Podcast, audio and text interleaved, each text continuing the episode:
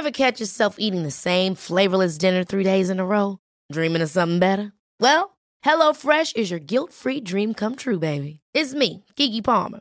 Let's wake up those taste buds with hot, juicy pecan-crusted chicken or garlic butter shrimp scampi. Mm. Hello Fresh. Stop dreaming of all the delicious possibilities and dig in at HelloFresh.com. Let's get this dinner party started. Hey, it's Danny Pellegrino from Everything Iconic. Ready to upgrade your style game without blowing your budget? Check out Quince. They've got all the good stuff shirts and polos, activewear, and fine leather goods, all at 50 to 80% less than other high end brands. And the best part? They're all about safe, ethical, and responsible manufacturing. Get that luxury vibe without the luxury price tag. Hit up quince.com slash upgrade for free shipping and 365 day returns on your next order. That's quince.com slash upgrade. Many of us have those stubborn pounds that seem impossible to lose, no matter how good we eat or how hard we work out. My solution is plush PlushCare. PlushCare is a leading telehealth provider with doctors who are there for you day and night to partner with you in your weight loss journey. They can prescribe FDA-approved weight loss medications like Wagovi and Zepbound for those who qualify. Plus, they accept most insurance plans. To get started, visit plushcare.com slash weight loss. That's plushcare.com slash weight loss.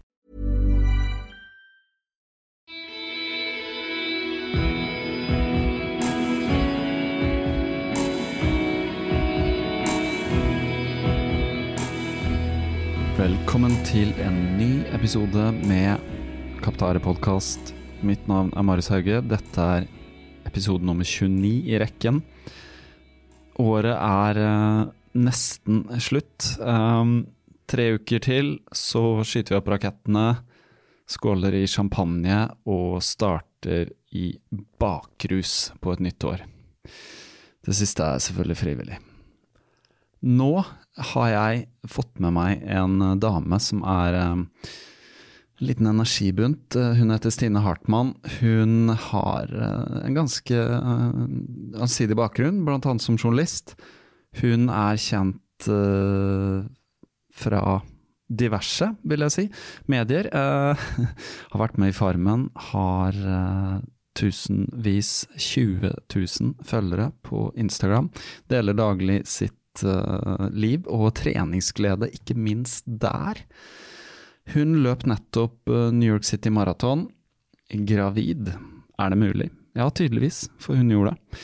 Ikke bare gjorde hun det, hun gjorde det med stil også. Eh, hun gjør det visuelt stilig, og hun fullførte med stil. For de som følger henne, så så dere kanskje at hun posta underveis. Eh, Stine forteller litt om eh, seg selv, og litt om løping. Jeg har litt på følelsen at kanskje Stine kommer tilbake litt seinere òg, for det er veldig gøy å følge løpere på sikt. Eh, så hvis Kaptare podkast har en langsiktig plan, så er det å få tilbake noen av de fantastiske folka som jeg har hatt på podkasten i år. Eh, veldig mye bra folk.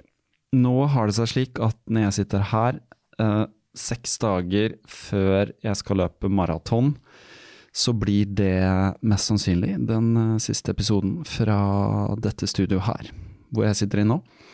Uh, mest uh, sannsynlig så blir det én episode til før året er omme. Tiåret. Det blir nok en slags uh, race cap, eller hva det heter, eh, etter mitt maraton Malaga 15. desember. Da skal jeg prøve å få lagd noe. Jeg kommer til å være i eksil i Spania etter det maratonet. Det har jeg mulighet til, og det kommer jeg til å gjøre. Så da skal jeg finne på noe for å lage en episode. Jeg må bare ta med det jeg trenger. Eh, og så kommer jeg også til å skrive noe om maratonet. Og det gjør jeg på min Patron-side, som du kan si er en slags hjemmeside, da. Lagt opp uh, veldig bra til å poste videoer, lyd, tekst, alle mulige sånne ting. Dere som er mine uh, støttespillere på Patrions, kan se alt som er tilgjengelig. Hvis jeg skriver noe om maratonet, så kommer jeg til å gjøre det tilgjengelig for alle. Uh, hvis dere vil høre flere intervjuer som ikke er ute på podkasten, men som er litt mer lavterskel, eh, så kan dere sjekke ut eh, det på Patron. Det ligger et intervju med Sondre Lerche etter han løp Chicago Marathon. Det kan dere få ved å eh, signe dere opp som patrions for meg for den nette sum av én kaffekopp i uka. Nå når kaffeprisene stiger så voldsomt, så er det faktisk dyrere å kjøpe en svart kaffe på de beste kafeene i Oslo enn det er å støtte meg på Patreon, podkasten på Patreon. Jeg sier meg og podkasten fordi vi er, eh, vi er vel den samme, siden dette er et fullstendig soloprosjekt. Apropos soloprosjekt, jeg har gleden av å meddele at jeg har fått med meg en sponsor på podkasten som jeg tok kontakt med, nemlig Altra løpesko. Jeg har eh, i min korte tid som løper, ca. fem år, eh, brukte veldig mye tid på research i begynnelsen. Jeg leste selvfølgelig Født å løpe. Løp rundt med metronom på telefon eh, for å finne steg osv. Jeg har i hvert fall eh, prøvd å løpe eh, så riktig som mulig, altså riktig i gåseøyne. Men jeg har vært ganske opptatt av steg og hvordan man løper, og har prøvd å adoptere å være litt bevisst på å ha et naturlig løpesteg. Og når jeg sier naturlig løpesteg, så mener jeg litt som vi løper hvis ikke vi har sko på beina. For det er sånn foten har utviklet seg til å løpe. Eh, så i all min research så kom jeg over Altra-sko. Og jeg husker at når jeg løp mitt første Ecotrail, så fikk vi en sånn rabatt på Sport 1. Da kjøpte jeg mitt første par Altra-sko etter å ha løpt i noe sånn Helt vanlige løpesko, New Balance eller noe sånt, som jeg hadde kjøpt på salg. Når jeg prøvde et par Altra-sko, så var jeg solgt. Jeg bare skjønte at disse skoene passer meg perfekt og er helt naturlig å løpe i. Så hva er det som er forskjell på Altra og andre sko? Jo, for det første har de en fotformet tåboks som gir deg plass til tærne dine. For hvorfor er det sånn at nesten alle sko skal peke innover foran? Hvis du står med din eh, fot uten en sokk på gulvet, så går jo ikke store tåa innover. Og hvis den gjør det, så har man sannsynligvis gått i trange sko. Og det gjorde jeg også hele mitt liv. Etter jeg begynte å løpe, så har jeg gått opp to størrelser i sko. Altså fra 43 til 45. Og det er selvfølgelig fordi fotbuen har nok eh, senket seg litt og sånn, så foten har blitt litt uh, flatere og litt større, men det er også fordi at nå aksepterer jeg heller, nå aksepterer jeg ikke å gå med trange sko lenger, som jeg gjorde i alle år. Så Altra har utviklet uh, fotformet tåboks, og det vil jo ikke si at uh, de er breie, for de er bare lagd sånn at de er formet sånn som tærne er formet. Uh, I tillegg så har de null dropp, dvs. Si at de er ikke høyere bak enn foran. Og det betyr jo selvfølgelig ikke at de er minimale. Skoa har jo med demping, det er bare det at hælen er ikke noe høyere enn foten. Ergo har du et naturlig når, når, foten er på bakken, og når den treffer bakken, så treffer den på en mest naturlig måte. Og det har ikke noe med å løpe på forfoten eller ingenting sånn. Altra har sko alt fra godt dempede til relativt minimale. Jeg liker å løpe på sko som er sånn ca. midt imellom. Min eh, favoritt er Escalante. Nå eh, har eh, Altra gitt dere, mine lyttere, mulighet til å kjøpe et par Altra-sko med rabatt. Dere får 25% på altrarunning.no ved å skrive inn Kaptare25 i der hvor du legger inn eh, bonus. Jeg skal lage link til det i podkastnotatene. Eh, så kan dere klikke på lenken, gå inn og sjekke ut sko, og merk dere at Altra, hvis dere går etter europeiske størrelser, altså EU, der hvor det står EU, så gå opp en størrelse. Jeg ser at det er litt forskjellig fra produsent til produsent hvordan de regner om. F.eks. jeg er 11,5 amerikansk, og det er 46 i Altra. Mens jeg kjøpte et annet par sko nylig som var 11,5. Da sto det 44,5 EU. Så hvorfor det er slik, vet jeg ikke. Men eh, hvis du har mulighet til å prøve et par Altra og løpe de, så gjør også det, selvfølgelig. Eh, en annen ting som eh, er veldig gøy å nevne, er at eh, Oslo Maraton har sammen med Springtime og Runners World en Oslo Maraton-uke. Løpe treningsuke i Portugal i uh, uke 13, 21. til 28. mars. Med fokus på løping og trening og uh, foredrag og slike ting. Der kommer jeg også til å være og hjelpe til å lage noe video og litt forskjellig uh, lyd og sånne ting. Uh, noe jeg kan nå, uh, etter hvert. Så hvis du er interessert i å være med der, så kan jeg også legge link til det i podkastnotatene. Det kan sjekke ut eh, Springtime, eller via Oslo Maraton. Det kommer til å være Andreas Grøgaard kommer til å være der. Han er jo kjent fra diverse, Breaking Marathon Limits og slike ting. Eh, og Sara Skarabot Pedersen, som jobber i Runners World og var her. Eh, veldig kult om noen dukker opp der som har lyst til å være med på det, eller treffe meg, eller hva som helst. Uh, alt annet om trening, min maraton osv. kan jeg ta i avslutningen etter at vi har hørt praten med Stine. Hei, eh, Stine Hartmann. Hei. Hei. Veldig moro å uh, endelig få deg på podkasten, fordi eh, sånn merkelig føler jeg er blitt litt kjent med deg gjennom Instagram. Og føler du det? Absolutt føler jeg det. Det er hyggelig. Uh, så allerede når jeg traff deg, så følte jeg kjente deg litt. Men uh, det som hører med til historien, er jo at uh, du nevnte podkasten en gang på din Insta-story. Ja, det samme dag som jeg satt på Nesoddbåten rett ved siden av deg og typen.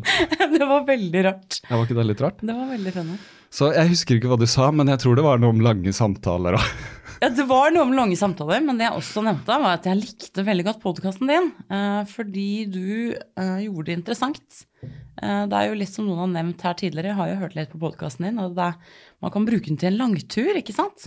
Så jeg syns det, var- det var interessante ting å høre på, å bruke til en langtur. Det var jo veldig morsomt at du så å si satt ved siden av meg, for jeg visste jo ikke hvordan du så ut. Nei, jeg visste jo heller ikke hvem du var da. For å være helt ærlig, eh, så har jeg skjønt etterpå hvem du er. Ikke det at jeg vet hvem du er nå, men jeg har skjønt at å ja, det, du er en person som mange vet hvem er. Eh, men akkurat der og da så hadde jeg aldri sett deg før, men jeg skjønte at du var en personlighet, for det ser man på mennesker, ikke sant? Gjør man det? Ja, man ser det. Man ser hvordan de er eh, kanskje i et rom, selv om det var på båten i et offentlig rom. Du bare ser det på utstrålingen. Det er artig å tenke på. Tenker du ikke på det? Jeg, Skal jeg bemerke meg litt jeg mer? er jo egentlig en observatør. Uh, Mm. uh, kreatør også, selvfølgelig, men uh, bakgrunn, lang bakgrunnsfotograf. Um, en gang i tiden trodde jeg at jeg skulle bli en god sånn street photographer, hvis du skjønner. Gå rundt på gata og ta bilde av situasjoner og sånn. mennesker og sånn ser veldig bra ut. Ja, litt sånn Cartier-brosjå. Ja, ja, ja. Ikke sant? Alt skulle passe innenfor en ramme og sånn. Ubehaget ligger jo i det at du ikke vil bli sett. Så når du blir sett fotografere, så er du på en måte ikke usynlig. Jeg ville bare være usynlig og observere verden rundt meg. Så, men istedenfor så blitt mye portretter og sånn. Men uansett, så man kan jo lese mennesker Selvfølgelig kan du ikke lese alt, men du får et inntrykk, ikke sant. Og så er det litt lettere på Nesoddbåten, hvor du sitter der i 23 minutter Faktisk. i fred og ro Ja. og kan titte litt på Ja, ja. Og Nesoddbåten er litt spesielt, for det, er den, det er veldig rart, og dette har jeg tenkt på før jeg har reist over mye. Du bor jo på Nesodden. Eh, det har jeg også skjønt etter hvert, for jeg har aldri sett deg der. Det er jo ganske stort. Men den turen der, fra Oslo til Nesodden, det er bare sånn, det er en, sånn, det er en skikkelig sånn voyage, som du sier på engelsk. Altså, du, det er en transformasjon da. Når du kommer til Nesodden, så er det et helt annet sted. Og et helt annet miljø. Ja, helt annet miljø enn Akkurat Oslo. derfor jeg flyttet hit. Ja. Så det er så nydelig å få den meditasjonstimen min, eller halvtimen min, over til Nesodden, Ja. eller til byen igjen. Ja. Det, du roer deg fullstendig ned etter jobb. ja. Kommer inn i dette artige samfunnet. Ja. Nei, og så er det veldig fint. Det er jo fint der. Altså, det er sånn Jeg vet ikke, du bor ganske, ganske nært båten. Jeg har vært mye um, hos mine svigerforeldre som bor ved uh, Bunnfjorden. Der er det jo sånn kjemperolig. Spredt bebyggelse og skog og ja, kyststien og ikke sant, hvis du har gått der. Ja. Veldig godt mye der, og det er nydelig å løpe der, ikke minst. Veldig flott. Det var en av de tingene vi virkelig falt med. At du kunne bare dra inn i skogen og løpe deg fullstendig bort. Det er jo et kjempeområde. Ja, det er helt nydelig. Ja. Helt nydelig. Jeg løpt mye der og lagd mange segmenter på Strava. Ja, du har det? Skal jeg finne deg? Ja, de må du gjøre. Eh, Det er selvfølgelig jeg som har rekorden på alle, da. Ja, det kan du tenke meg. Selvfølgelig er det det. Det er jeg og to andre som har løpt de, liksom.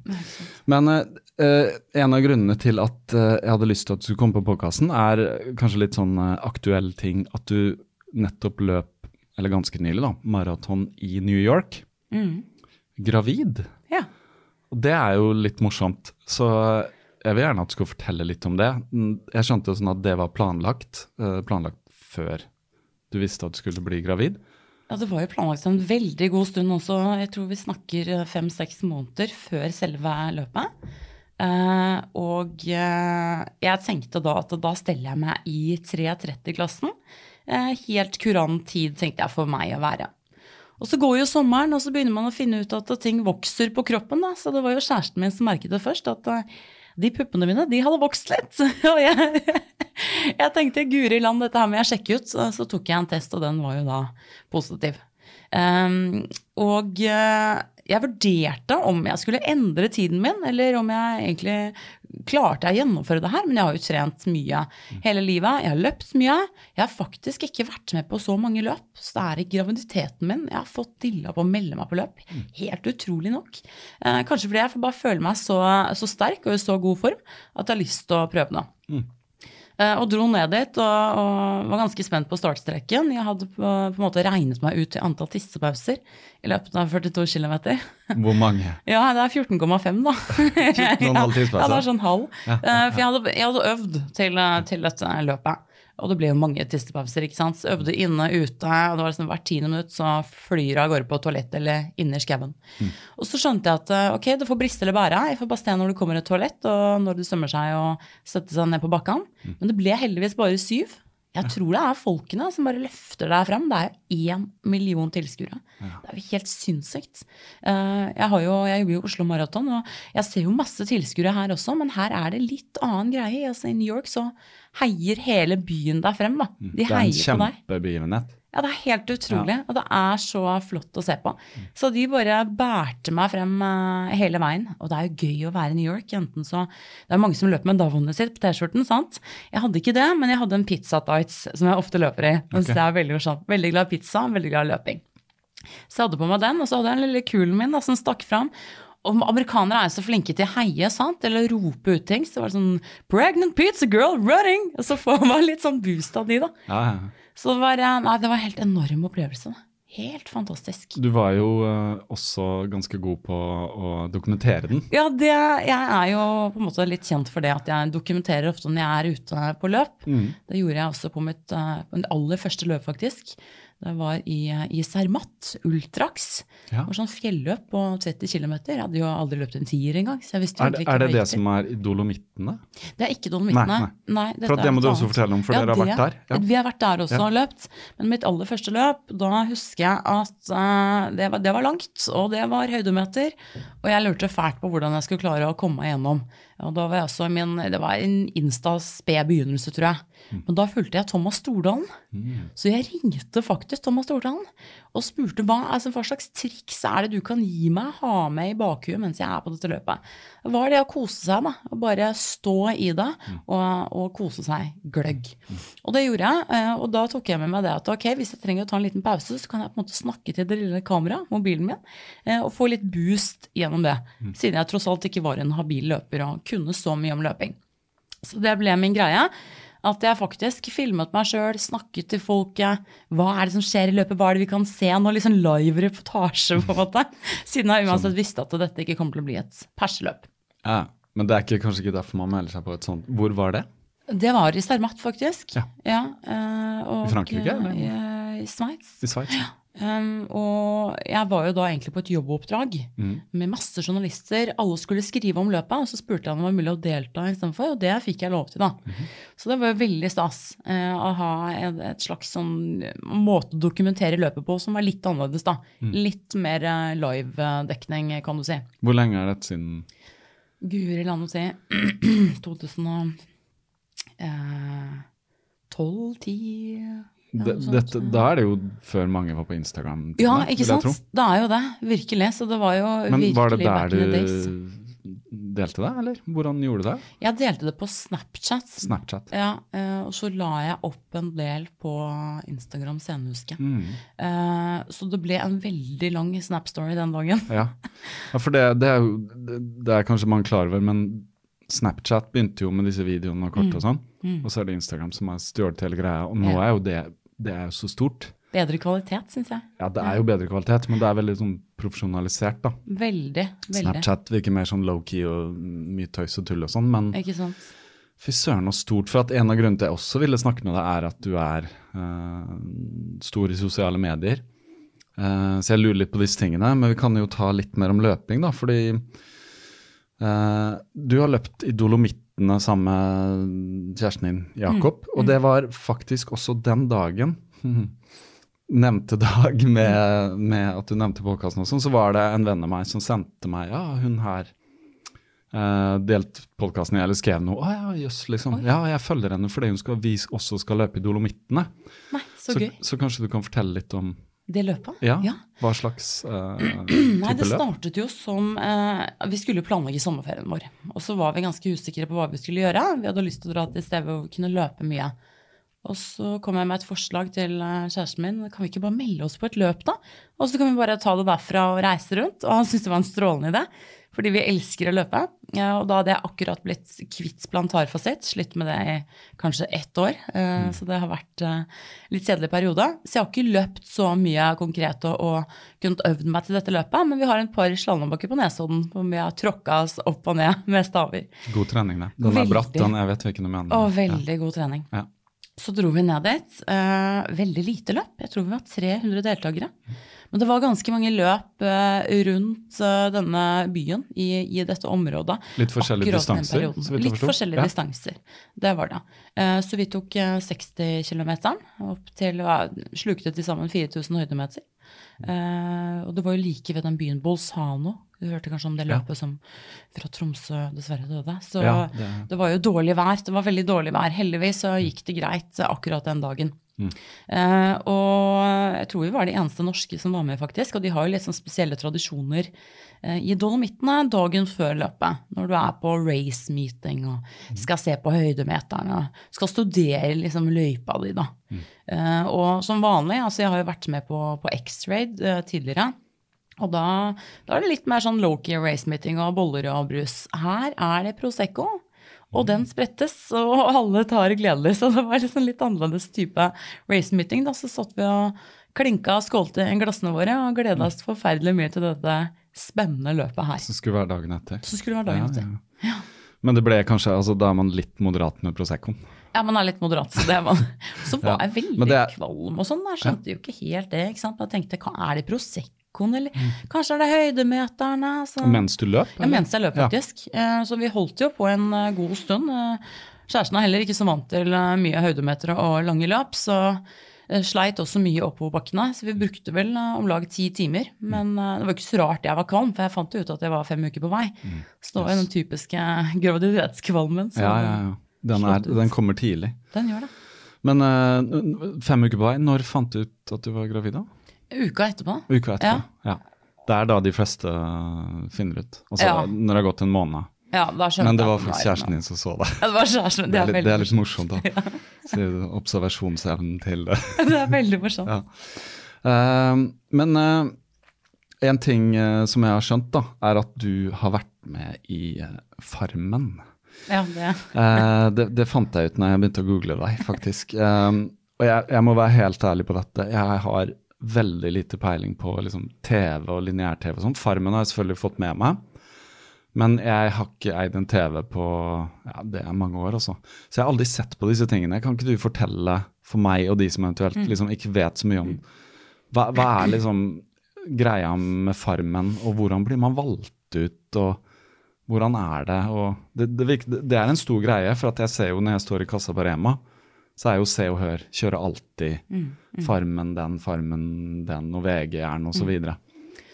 Nei, det som er litt morsomt, og jeg kan ta en liten bakhistorie. Ja. Jeg er jo egentlig en bakgrunn som journalist, og har da jobbet i disse mediene, som Dagbladet, Se og Hør. Startet, eh, startet eh, karrieren min i Topp, et ungdomsblad, for eh, mange herrens år siden. Så jeg har da jobbet med disse programmene. Men jeg har aldri sett på Farmen selv. Eh, Jeg har, eh, jeg har ikke Ja, jeg har faktisk ikke sett én Farmen-episode før jeg var med i Farmen eh, sjøl. Jeg meldte meg ikke på, men jeg var en av de som ble opprungt fra produksjonsselskapet. Eh, På den tiden så frilanset jeg, da jeg sluttet å, å jobbe, så jeg frilanset for ulike medier. Så ble jeg oppringt av produksjonsselskapet Strix, som lurte litt på Farmen, da. Og da tenkte jeg sånn, å ja, de har lyst til at jeg skal jobbe med TV. Så interessant. Ja, så jeg begynte å spørre om arbeidstidene, og, og hvor jeg skulle jobbe hen, da. Og de ler jo litt, da, for det er jo ikke noe arbeidstider, sier de. Og så tenker jeg å herregud, hva slags selskap er det her? Det er jo helt merkelig. Så nei, det er jo som deltaker vi ønsker å ha deg med. Jeg har jo ikke søkt eller noe. Nei, det var noen som hadde hvisket i øret deres at du er sikkert en, en person som vil gjøre deg godt på TV. For ja, de leter jo etter Karakterer. ikke sant? Ja. Mm. Og tenker hvem går sammen her. Og Det handler om å lage et lite drama. Ut Lite av- drama, Ja. virkelig. Mm. så, og det, det følte jeg på også. Jeg var jo hun typisk eh, 30 år gamle dama som ikke hadde snøring på gård, men som ikke var redd for å skyte fra hofta hvis jeg syntes at noen ble urettferdig behandla, som ofte skjedde. For er det sånn, Får dere oppgaver, blir dere satt på en gård, og så "Hæ, nå må dere få Mm. Nå, det til? altså, nå må eh, selv?» dere bygge et hus. Ja. Eh, Nå må dere gjøre det. Nå må dere hekle et teppe eller spinne på en rock, selv om dere ikke har gjort det før. Så det er jo utrolig spennende å lære seg sånne oppgaver som, som man gjorde før i tiden. Da. Dette skulle jo da være 1916, eh, så man går 100 år tilbake i tid. Jeg var med i, eh, i 2016. Og da ble man satt på en gård med vidt forskjellige mennesker, med vidt forskjellig syn på livet, og kanskje syn på hvordan man skal gjøre ting på en gård. da. For det, det er jo sikkert et eh, aspekt av samarbeid som også må til, Mm. som det er på en gård. Ja, veldig. Ja. Så du må jo ha sett av ganske mye tid også i ditt daglige liv, for det tar jo tolv uker, den innspillingen. Ah. Så det er jo mange som slutter i jobbene sine og alt mulig. Heldigvis for meg så passa det perfekt, siden jeg var frilanser. Så jeg kastet meg på, eh, dro til Halden, og ante ikke hva jeg eh, hadde i vente, men hadde en eh, fantastisk opplevelse. Og det å leve bare sånn på en gård uten klokke, eh, altså uten tilgjengelighet på mat, du måtte finne din egen mat, eh, Ja, hvordan- stå i ting. Er det, er det dyr på gården og liksom Ja. Det er dyr på gården, og så har man ulike oppgaver hver dag. Om, Enten om man har dyrehushold eh, eller f.eks. Uh, stå for maten en dag. Mm. Jeg elsker ikke å være med dyrene, så jeg står ofte for mating av dyrene og Melking. Melking, ja. Melking, det? ja. Ja. Det måtte jeg lære meg. Ja. Det var veldig vanskelig i begynnelsen, Ja, men så fikk jeg som teken på det. Nå er det jo bare maskiner. eh, Ja, ja Som det gjør er det. rart, det, vet du. Mm. Så jeg, blir, jeg får sånn eh, nostalgi når jeg går forbi en gård og Ja. ser en ku og ikke sant. Ja. Men det jeg syns høres veldig deilig ut, så hvis noen som driver Farmen Nei, det er eh, Borte fra mobilen, Ja, klokka, avtaler, det daglige jaget, da. nydelig. Det må være litt sånn Når du kom dit, da, da får man vel perspektiv på hvordan er liksom hverdagen ellers. Selv om du Du virker jo ganske sånn engasjert i ganske mye ting, men selv du hadde vel ikke familie eller mm, Ingenting. altså, jeg var, jeg, jeg var singel og, og tenkte at dette her må jeg bare kaste meg med på. Mm. Fantastisk opplevelse for meg sjøl, og jeg er sikker på at det, for mange så forandrer det ting. Um, og det gjorde det for min del også. Jeg fikk veldig lyst til å flytte ut av byen. Mm. Derav flyttet jeg til Nesodden etter hvert, for det var det jeg egentlig lengta etter. Hvor bodde du på det tidspunktet? Eh, Da bodde jeg, Akkurat da så bodde jeg faktisk hjemme hos foreldrene mine på Ullern. Ja. Men rett etter Formen så lette jeg etter bolig i Lommedalen. Ja. Jeg syns det er så fint å løpe der. Ja, ja. Så, men det nærmeste jeg kom Men du hadde vært sånn bodd i, i Oslo sentrum som mange? Ja. Og så fikk jeg en sånn forkjærlighet for å komme meg lenger unna. Mm. Virkelig. Det er mange som oppdager Nesodden på den måten at det er liksom en Det er veldig landlig, men det er nært byen. Nettopp. Og heldigvis så er det på en måte Hvis det hadde vært en tunnel eller en bro, eller noe sånt, så hadde det jo ikke vært Nesodden. Fordi at det er nettopp det at det er egentlig langt å kjøre. Mm. Like langt som til ja, Ski, eller lenger sikkert. Mm. Men det er veldig kort med den båten, da. men du må akseptere at man må pendle, ikke sant. Veldig akkurat det. Det er det som er så deilig med det. Hadde du noe forhold til Nesodden fra før da, eller? Ikke, ikke forhold til Nesodden, Nei. men eh, jeg jobber jo med litt forskjellige ting. Så jeg har jo, jobber med treningscamper i utlandet. Mm. Og mange av de damene de får jeg et godt forhold til. Eh, vi trener jo dagen lang og spiser og drikker og koser oss. Og hun ene bodde på Nesodden. Mm. Og hun sa at jeg må få besøke henne en sommer, for det er så vakkert der ute. Og så sommeren kom, og jeg tok båten over. Eh, og tenkte bare hva, hva er det jeg har gått glipp av i alle disse livene jeg har bodd i Oslo?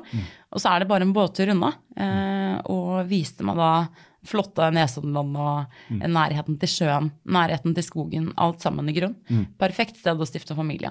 Um, og tenkte mye på Nesodden de kommende ukene. Og så sa hun etter hvert at naboen hennes skulle flytte, men de vil ikke legge den ut, for de vil eh, selge til noen de kanskje liker litt. Så tenkte jeg, ja, sabla. Meget uvanlig, Ja, det var veldig spesielt. Mm. akkurat da hadde jeg blitt sammen med kjæresten min Jakob. Eh, Jeg tror vi har vært sammen i én til to måneder. Traff hverandre på Tinder. Ok, ja. Og så tenkte jeg ok, jeg får ta med han da, og se hva han synes. Og han forelsket seg i stedet. eh, Og vi var jo ganske så forelska i hverandre. Så Da er det lett å- å flytte på seg. Det er jo det. Ja. sant? Så har man kommet i en alder, og bikka 30, hvor det på en måte er greit å Mm. etablere forhold litt, litt raskere iallfall. Kjenne hverandre litt bedre. Så da fant vi ut at uh, dette her slår vi til på. Og så Mm. Så du fikk kjøpt huseier. en leilighet uh, rett fra Rett fra de som faktisk bodde der uten megler og alt. mm. Det er ganske utrolig, fordi de fleste vil jo legge ut for de vil bare ha mest mulig betalt. Ja. Det er noe med det at de bare, hvis vi kan komme på sommeren, komme på takterrassen Ja, ja, deres Ja, selvfølgelig. Ja. Så det var en skikkelig Sånn burde det vært mer av. Ja, jeg er helt enig. Helt fantastisk måte å gjøre det på. Ja, ikke sant? Det var så nydelig. Men uh, litt tilbake til Farmen. Tolv Mm. uker. Tolv uker er makstiden du er der inne. Å ja, for du, du blir stemt ut, eller hvordan funker ut, det? ja. ja, det skjønte jeg, for jeg skjønte jo ikke bæret og hvordan det fungerer. Men jeg hvordan er det seere som gjør det, eller? Ja, nei, altså det, er, det beror på hvem de på gården ønsker å ha ut. Mm. Dersom du er sterk fysisk, Mm. så er du en trussel. For da kommer du til å kanskje mest sannsynlig stå igjen. Eh, Ja, er, det- er det sånne oppgaver, sånne konkurranser mot Ja. hverandre og sånn også? For Ja. Jeg så noen bilder. Ja. Det er det. Og det er eh, trekke Mm. tau, eh, melkespannholding. Veldig fysiske konkurranser. Okay. Og jeg har jobba med trening, og det, Mm. det visste jo de som var der inne. Vi snakket jo om livene våre back home, så da ønsket de å ha meg ut. Så jeg var i tre tvekamper før jeg måtte si meg tapt. Da var jeg så sliten og underskudd på mat og energi. Okay. Så da gikk det ikke lenger. Men jeg sto i det og, og var der i elleve uker. Mm. Så de kjører Altså, du blir kjørt litt sånn De, de kjører folk litt hardt for å De gjør det. Altså, ja, mangel på mat fordi Ja. dere må skaffe alt selv og sånn? Ja, Mangel på mat. Mm. De ønsket at vi skal skaffe alt sjøl. Hvis ikke vi klarer det, så har vi et marked vi kan gå på. Da kan vi vinne kornsorter og en del mat. Men det er ikke mye. Jeg vet at eh, de har blitt flinkere på å gi ut litt mer mat i Mm. disse produksjonene som årene har gått, fordi folk har fått virkelig store plager og gått ned veldig mange kilo. Mm. Så man merker jo virkelig på det at man, eh, man blir veldig sliten når man ikke spiser. Og jeg som er vant til å trene og løpe mye, jeg tror vi hadde den første uken, så løper vi ganske mye i skogen der, og så blir man altfor sliten til å drive med aktivitet. Mm. For du får jo ikke dekka inn kaloribehovet. Nei, ikke det. Ja, det, det, det høres litt rart ut for meg. At, uh, men jeg, jeg kan skjønne det ut fra litt sånn kynisk uh, baktanke om at vi Altså, det skjer sikkert litt mer drama når man kan uh, bryte mennesker litt ned. Altså, hvis du blir både fysisk og psykisk litt mer nedbrutt, så, så skjer det nok mer ting. Da er det drama. Da blir det drama med en gang. Folk blir ganske hissige. Så ja, Ja, Ja, ja, Altså, Det fikk jeg følt på. det er en grunn til at det er et uttrykk som heter hangry. det, det, det var vi i elleve uker, tror jeg. Ja, ikke sant? Det, ja.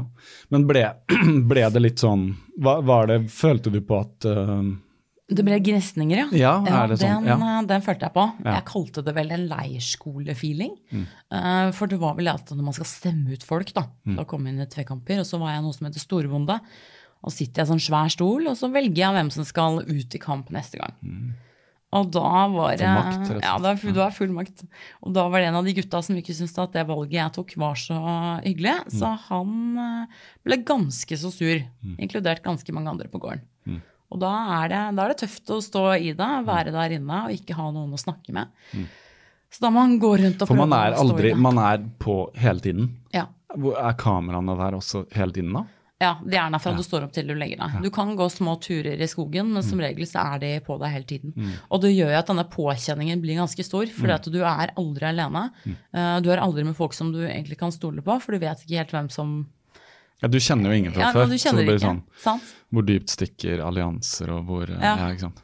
Ja, og jeg hadde jo ikke skjønt bæret av det her. Mm. Eh, mange av de hadde jo søkt i åtte år på rad og visste jo godt hva de gikk til. Jeg visste jo ikke hva det her Mm. Nei. var for noe.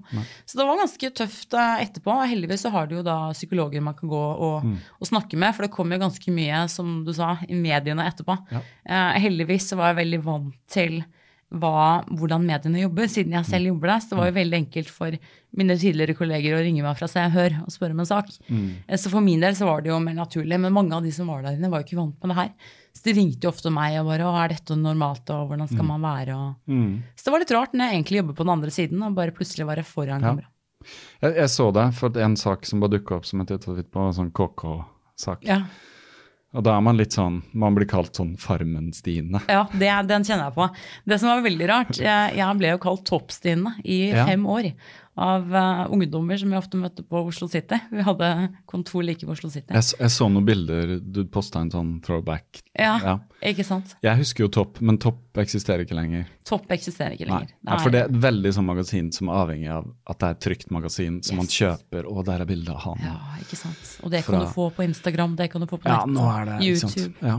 Du må ha sett en ganske rivende utvikling da, i uh, mediebransjen. Utrolig. Og det er jo egentlig bakgrunnen for hvorfor jeg driver med Instagram den dag i dag. Jeg, jeg startet opp Instagram for Topp. Jeg skjønte at dette var en plattform som ungdommer kommer til å elske. Elske å følge kjendisene på så close hold, og elske å se på hva er det vi driver med. Vi hadde jo gått over 100-200 reisedøgn i året i fem år på rad til LA, New York, London, Stockholm. Og det var gøy for dem å følge med på. De trodde jo at vi kjente Justin Bieber personlig. ikke sant? Så når de kan være så nære oss og følge oss på denne Instagram-plattformen, så var det veldig gøy. Så det var sånn det starta. Og så skjønte jeg at uh, dette har jeg lyst til å gjøre i egne kanaler også. Og så utviklet seg, balla på seg. Så kommer det litt følger fra topp, litt fra formen. Eh, folk som liker å bli inspirert til å trene. Alt mulig. Ja. Nei, nå ser jeg, ja, Vi kan godt snakke litt om det, for jeg ser jo at du er eh, Man ser jo det på antall følgere. Eh, at man er blitt stor, ikke sant? Oi, nå ser jeg ingen, men uh, det kan vente. Uh, så du har holdt på en stund. Altså, hvor mange år snakker vi om? Vi snakker om siden Instagram begynte. Ja. Jeg husker jo ikke når det var. Men jeg gikk jo glipp av dette med stories, for da var jeg inne på formen når dette ble ja, lansert. ja. Så jeg skjønte jo ikke bæra. Så jeg måtte jo sette meg inn i dette på nytt. Det er liksom å laste ned en app for første gang og skjønne er det, skjønner jeg det her. Hvordan skal jeg sette meg inn i det? Så, Men det da, gikk vel kjapt? Det gikk jo kjapt, Ja. det gjør jo det. Så nå bruker jeg det som en sånn, min egen dagbok, som jeg også prøver å inspirere andre til. da. Eh. Være aktive gjennom dagen sin. Det er jo min, min store ja, Det er det jeg brenner for i Mm. sosiale medier. Får jeg en til å ta på seg joggesko og komme seg ut på tur? Mm. For du har en mission, det er Jeg ganske tydelig. Det er ikke sånn se nå gjør jeg det, se nå gjør jeg det. Det er veldig sånn Du filmer når du er aktiv, men Mm. du kan også være sånn eh, på sengekanten. ja, ja. Tulle litt. Ja, tulle Ja. litt og sånn. Ja, Men eh, er det sånn, bli, blir man helt vant til dette? Er det sånn, må du inn i en karakter? Er det, eller er det bare Nei, jeg tror jeg deg. bare Ja. er meg selv. Og så er jeg så vant til det. Jeg er så vant til å, å være frampå, da. Mm. Det er på en måte personligheten min. Um, så for min del så er det liksom ikke en karakter jeg går inn i, om du skjønner. Nei. Liksom- ja, jeg og så er liksom, jeg har ingen plan, da. Alle er sånn, Ja. Mange som er store, har sånn strategi og Ja. plan på hva de skal Stor legge plansje ut. sånn. Ja, sant? Jeg, Oi, Trinn én. ja, ja, sant, skjønner du? jeg, jeg har ikke snøring, jeg. Jeg aner ikke hva som skjer i morgen. Nei, ikke sant. Jeg bare tenker sånn, ok, nå må jeg bare finne på mye morsomt. Litt sånn som nå er det jo julekalendertider, sant? Og så var jeg sånn, å gud, det er så alle skal ha julekalender med sånn dagens challenge, ti squats, skjønner du? Ja. Det er, jeg er ikke på den, det, det kan du heller finne på storyen min. Og så kjører jeg heller en sånn kalender hvor jeg gir bort bruktting da, hver, hver søndag fram til julaften. Er min greie, jeg har så mye ting hjemme. Ja, hvem har ikke det? Nei, ikke sant? Flere burde gjort det. Ja, ikke sant? Jeg så det at du posta en sånn 'nå gir jeg bort'. Ja, Ja. det er greit. Og så, eh, Hvordan velger du ut de, eller hva, hvordan gjøres det i praksis? Eh, nei, altså da bare finner jeg ting jeg har hjemme, og så Ja. bare scroller jeg gjennom. Ja. For det er så vanskelig å ta sånne utstrekningskonkurranser hvor du faktisk må sånn nummer 250, for da må jeg sitte Ja. og telle meg ned. Scroller jeg, så sier Jakob stopp, og så stopper vi, og så plutselig Og så den personen som hadde en post da, blir den? Ah, det blir den. skjønner, skjønner. Ja. Men hvordan er det med ikke sant, Når du har såpass mange følgere og sånn, er det ikke voldsomt trøkk? Altså, Er det ikke mye meldinger og liksom Du må være veldig på. Nå, Mm. Ja. hvordan, hvordan går det nå når du sitter her? Ja, liksom? Bare, når du er ferdig her, så er det liksom 19 sånne Herregud, vi snakka om det her en dagen. Eh, Jakob har begynt å følge hun Billie Elliers. er ikke det det heter? Billie ja, Eilish. Ja. Eilish, ja. Hun er sanger. Eh, Sanger. sånn- sanger. Ja. Eh, og starta jo med Instagram, og så begynte å balle på seg. Og nå sitter hun og har 40 millioner følgere, ikke Mm. Og da Jakob sa det til meg her om dagen, jeg hadde lagt ut noe, da, så kom det mye kommentarer. Han bare 'herregud, tenk hvordan hun må ha det'. Mm. Ja. Sitter der og kjenner det trøkket. Men da kommer det et punkt hvor du ikke kan svare ja, lenger. Gjør det du gjør ikke det? det. Jeg tror ikke du åpner de meldingene i Instagram Nei, som nei. er fra ukjente. Uh, men jeg, jeg kjenner at jeg svarer på mye, noe rekker jeg ikke å svare på. Mm. Um, men hvis det er ting som virkelig jeg ønsker å svare på, hvis jeg har lyst til å hjelpe folk, Mm. eller takke dem for at de følger meg, eller blir inspirert, eh, så svarer jeg. Mm. Og så er det noen man også eh, Hvis det kommer litt sånn hissige kommentarer, da, Mm. da, er man, da er man litt rammere på å bare blokkere og slette. Ja, fordi selvfølgelig, det er jeg også litt interessert i, fordi av alle de som følger deg, så jeg ser noen ganger så er det sånn, hvis det er noe typisk noen kommenterer, så er det veldig, veldig positiv og mye kjærlighet og digger deg og sånn.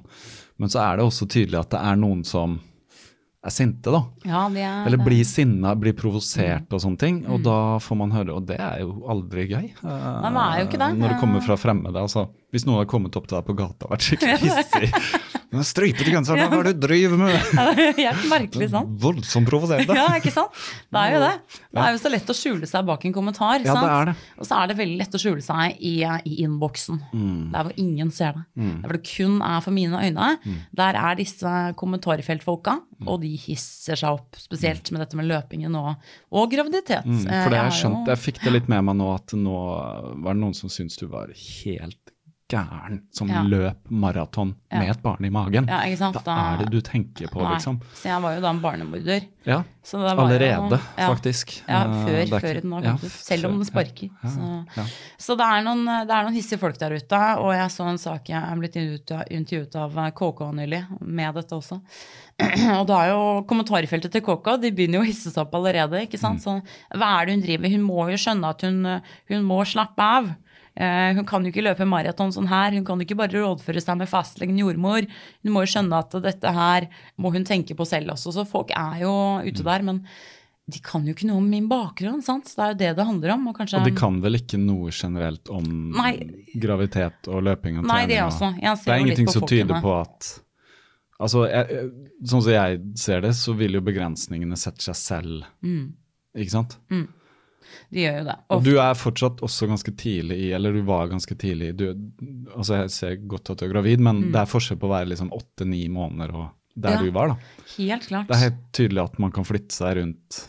Ja, ja, ja. Barnet er jo ikke stort, det er mye vann, det er utrolig godt beskytta Mm. inni der. Det skal mye til. Litt løping er ikke farlig, altså. Nei, det er ikke det. Ikke når du er så god form fra før. Selvfølgelig Ja. hadde du aldri løpt og aldri trent og skulle finne på noe sånt, da hadde det vært noe annet.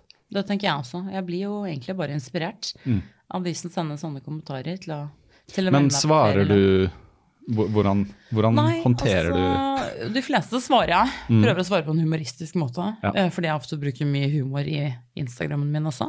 Men det barnemorderkommentaren husker jeg, da ble jeg såpass sint. Og da var jeg såpass hormonell at jeg sletta den. Mm. For jeg tenkte at sånt orker jeg ikke på, på min Instagram. Nei. Um, Men det er ikke verre enn at du sletta den. Det er ikke sånn at du raser tilbake. Nei, jeg raste ikke tilbake. Jeg hadde, jeg hadde brukt humor der også, tror jeg. Mm, mm. Jeg hadde nok gjort det. Ja. Det var også en annen, eh, et fint lite bilde hvor du satt på en spesiell måte. Noen Ja. hissa seg opp over at du kunne rett og slett skreve litt. ja, det var helt Nei, utrolig. sånn sitter vi ikke. Nei, sånn sitter vi ikke. Ikke det dagens samfunn. Nei, altså det er jo merkelig, da. Den uh, damen her hun følger meg fortsatt, så det er gøy. Mm. Uh, og hun mente at jeg satt på en måte som ikke var uh, noe særlig passende for kvinnfolk. Var ikke høvelig. Nei, var ikke høvelig. Menn kunne sitte sånn, derimot. De, det hadde hun lært når hun var liten. Mm. Da måtte jeg fortelle henne at det har ikke jeg lært når jeg er liten. Jeg har lært at kvinner kan sitte på akkurat slik måte som de Mm. vil, og ja, være likestilt med mennene på den måten. Og, men hun fortsatte, vet du. Mm. Ja, kjørte på i åpent kommentarfelt. Og da fikk hun høre det. Da kom jo disse Da kommer, da kommer folka som liker meg, da, vet du. Ja, ja, ja. Og hissa seg tilbake. Så hun slettet kommentarene sine Ja. etter hvert. ja. Men jeg screenshotta de, så- ja, ja, ble satt litt på plass. Ja, jeg måtte det. Ja. Ja, for at jeg tenker eh, bare meg som har en podkast og en liten Instagram, får ganske mye meldinger etter hvert. Jeg merker det Altså, det er helt annerledes når du er på lufta, eller mennesker hører deg. De får et forhold til deg som de kanskje tenker at er den du er, da. Eh, og i motsetning til deg så deler ikke jeg sånn masse om meg selv og sånn. Jeg er litt mer sånn impulsiv. Om du tar bilde av en bok eller plutselig deler en eller annen post eller et eller annet sånt. Men de fleste som kommenterer på min, er jo positive fordi de liker podkasten. Men jeg har jo også fått sånne meldinger som er sånn de som mener at hvorfor gjør du det sånn og sånn, og hvorfor bla, bla, bla. Ikke sant? Masse meninger om personene, da. Og det er, det er alltid litt rart. Hvordan håndterer du det? Jeg prøver også bare å være høflig tilbake og si ja, takk for tilbakemeldingen og mm, tar det med meg, liksom. Bare sånn, ja. Men jeg må innrømme at når, når noen er litt sånn Jeg tror jeg setter et skille et sted.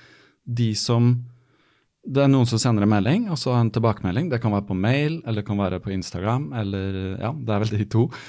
Eh, og er veldig positive og syns det er dritkult og hørte på den og ble så inspirert og sånn. Og så svarer jeg alle, og så får jeg et svar tilbake igjen. Og så har du kanskje en dialog. Men så er det de som sender deg en melding, og jeg svarer, men så hører alle noe igjen. Så det er på en måte at de vil bare ytre sin mening. sin ja. Og så er de ikke interessert i svaret tilbake. Så jeg, jeg setter vel et skille der mellom negativt og positivt. da. De, de vil egentlig ikke ha en dialog, de vil bare fortelle meg hvordan det skal være. Ja, de må sette deg litt på plass. De skal sette meg litt på plass. Ja. Så det er det jeg tenker på. Det handler kanskje litt om en sånn jante. Hvem er du som holder på sånn Ja. som det her og tror at du Ja. liksom. Men det det er jo bare å gjøre det. Altså, Ikke sant? Og det er litt som med løping også. Jeg fryktet jo dette når jeg skal komme inn i løpemiljøet, som jeg så på som noe wow, her er det mye flinke folk. Alle er på Strava, alle har riktig klokke, riktig sko, sant? utstyr i orden. Jeg hadde jo ikke noe i orden. Her kom jeg inn og instagrammer og snapper løpet mitt og løper med glitter og rosa hår. Ikke sant? Så man føler seg litt sånn Guri land, jeg kommer til å få høre det etter hvert. sant? Men så fant jeg ut at det er jo en plass til alle her. Det er litt sånn som når ultraløp er, er i vinden. Eh, og, og som du selv sier, gærne folk, da. Det er jo mange som ser på ultraløpere som gærne folk. Og de har jo også personligheter, karakterer, eh, og er ganske Ja, noen er um, ganske ulike andre, og, så jeg tror alle passer inn på en eller annen sånn merkverdig måte. Ja, og det syns jeg er så koselig. Jeg syns det har blitt mye mer sånn spillerom for ulike typer løpere da, i, i løpsmiljøet i Norge. Også sånn når man ser på løpeprat og negativ splitt, så er det, det er liksom alle mulige folk. Favner alle. Det er det jeg syns er, er så kult med å, å drive med løping. Å møte på så mange ulike folk på alle de løpene jeg har vært på. For det er, eh, du refererer til løpeprat, det er en eh, Facebook Facebook-gruppe. ja. Ja. og negativ splitt også, en Facebook-gruppe. Så det er, og oh, ja, det er mye negativ split. Ja. En, en positiv eh, Ja, gruppe. Det er positiv gruppe, selv om det er negativ splitt. Så det er jo gøy å følge med på disse gruppene og se hva som skrives. Um, og det er alt mulig folk. Sant? Folk Mm. som aldri har løpt før, til, til folk som ytrer sin mening om ulike typer intervaller. Og, Jeg har så vidt Altså nå er jeg Jeg har sletta min Facebook. Eller jeg har ikke sletta, men jeg er bare ute av den. Fordi det tar mye tid. Ja, det er rett bare, altså, Jeg har egentlig aldri vært særlig aktiv, så det var egentlig bare et valg. Men jeg har fått med meg løpeprat så vidt. eh, for det jeg tenker litt på, er eh, Det er noen som har maila meg, det var en dame som maila meg, som var veldig engasjert, og hun mente at eh, det er også litt sånn i løpemiljøet du snakker om, at det er en del som er engstelige for å stille i løp og stille i løpegrupper og sånt, for de er så redde for at de er for dårlige. Ja. Altså, og at de ikke trener riktig og liksom altså Det er rett og slett kanskje selvtilliten er litt lav da, når du skal inn. Mm. Uh, og det nevner du litt nå. Ha- Har du noen på en måte tips? Ja, jeg har ganske mye erfaring fra det også. Jeg har jobba med treningscamper i veldig mange år. Eh, Da er det alt fra ofte damecamper, alt fra 50 til 100 damer med ulik treningsbakgrunn. Noen liker å løpe maraton, noen liker ultra, og noen har aldri løpt før i hele sitt liv. Og da er det å finne den balansegangen, da, eh, og, og, og favne alle sammen, sant? Og få de til å like løping på en fin måte. Eh, Så for mange, mange år siden, eh, også litt tilbake til Instagram, så startet jeg en konto som het Pop-Up-DJ Stine. Da var jeg altså en løpende DJ, eh, som jeg startet på denne campen her. For da fant jeg ut at mange av disse damene likte å danse, sant? Til 80-talls- og 90-tallsmusikk. Og så sa jeg, vet du hva, nå skal vi ut på en gåtur og så skal vi løpe litt. Vi skal høre på musikk. Men det viktigste vi skal gjøre, er vi skal gogge. Veldig En slags flott. gå- gå-løpe. Ja, gå og løpe er flott ord. Elsker å bruke det i mine sosiale mediekanaler. Så vi var på en goggetur med, med litt musikk de likte, og da begynte de å få sansen for løping. Så flere av disse damene nå som, eh, som begynte som goggere, har nå blitt eh, løpere til slutt. Turt å melde seg på løp. Så jeg syns det er så fint. Så Jeg tror man må finne riktig type folk. Og, så må man ufarliggjøre dette med løping. For mange som skal starte, de tenker at du, nå skal jeg bare ja, knyte på meg joggeskoa og komme meg ut døra i et uh, sykt tempo og løpe forbi alle langs Akerselva eller hvor enn de løper i Norge. sant? Uh, og så blir de slitne. Og så får du skader, og så tør du ikke. For at du er redd for at løping ikke er noe for deg. Men å starte i det små, begynne å gogge uh, eller gå, eller um, denne fantastiske modellen som jeg skjønte under New York Marathon. Løpe i ti minutter, og så går du i ett til to minutter. Super måte. Super måte å også gjennomføre løpet på dersom du ikke er veldig godt trent til et løp. Blanding av gå og jogge. Mm. Og så bare akseptere at det det er litt sånn langsiktig prosjekt. Mm. At når du begynner å løpe, så er du jo ikke mm, holdt på å si verdensmester umiddelbart. Ikke sant? Og det kan jeg si ut fra egen erfaring. Og jeg begynte igjen altså, no, Noen sier, som Andreas Humpland sier, altså, når de spør han hvorfor løper du, så spør han som Arne Næss hvorfor slutta du? For at vi alle løper som barn. altså Du ser på barn, jeg har to barn. de sitter jo ikke stille, eller nå sitter de mer stille de begynner å bli større. Og det er liksom på, da tenker jeg uff, det er dumt. Fordi eh, naturlig så løper vi. Og det er gøy å se på barn, fordi når du ser et barn løpe, så er det akkurat sånn De bare detter framover. Altså, de, de løp, altså, det er så naturlig å se på det. Jeg har studert litt etter jeg begynte å løpe. Det er akkurat bare sånn Du bare faller framover, og så må du sette en fot foran den andre for ikke å dette. da. Ikke sant? Så har de bare et sånn momentum. Og sånn kan det være med også. Og det er jo bare er å begynne et eller annet sted. Det er Og så akseptere at bein og muskler og sener og sånne ting bruker tid. Det på å bygge seg tid. Og litt sånn som å komme etter en skade. ikke sant? Ja. Du har slitt med en skade, så tar det tid å bygge seg opp igjen. Eh, og Mm. Og det har du erfart, ja. Du snakka om plantar. Plantarfasett. Ja. Jeg, jeg var litt omdristig da jeg på X-Raid for to år tilbake stilte med én brukket tå og plantarfasett i begge bein. Eh, Jeg skjønte at det ikke var så smart, men det var jo så flott dag. Jeg hadde meldt meg på, sola skinte.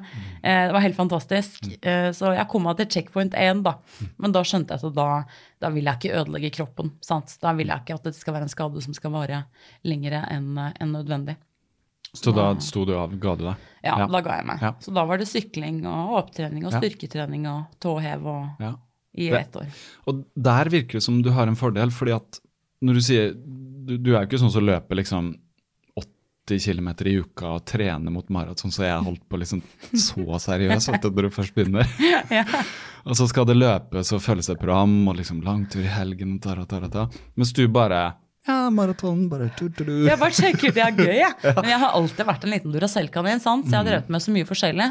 Fra, altså Jeg husker mine aller første sånn treningsminner. Det er jo styrketreningstime på Friskis og Svettis med Alexander Rybak. Så da, Han var liksom min favorittinstruktør, så jeg skjønte jo ikke Alexander Rybak, Ja. er det han Å, ja, felespilleren. ja. ja. Plutselig dukket han opp på TV med fele. Yes. Så han var jo da treningsinstruktør eh, for lenge, lenge siden. Og så begynte han da å få sansen for andre type klassiske sånn gruppetimer. da. For jeg plutselig fant ut at eh, nå skal jeg begynne med løping. Jeg bodde like ved Bygdøy. Da var det liksom ok, hvor raskt klarer man de rundene rundt Bygdøy? sant? Så og var alltid high five med Petter Stordalen på morgenkvisten, husker jeg. For det var, eh, han løper jo samtidig som meg, sånn 60 er på morgenen, tror jeg. Veldig lenge siden. Men eh, Nei, det var sånn alt sammen starta. Rett og slett. En, en forkjærlighet for aktivitet og bevegelsesglede og trening.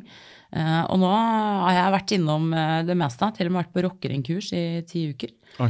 for å lære meg det. Så Sånn klassisk en ring som man svinger på? Ja, ja. Og alle triksene man kan eh, faktisk eh, drive med da, når man har en rockering.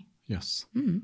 Hva, hvor kom dette fra? Nei, aner ikke. Det er, det er denne utforskende siden av meg eh, som liker å gjøre mye forskjellige ting med kroppen. Og så tror jeg på en sånn eh, Når du virkelig syns det er gøy å holde på med noe, sant? for det er noen som løper, sånn som eh, Andreas Oppland sier, det er noen som løper, og så syns de er kjedelig.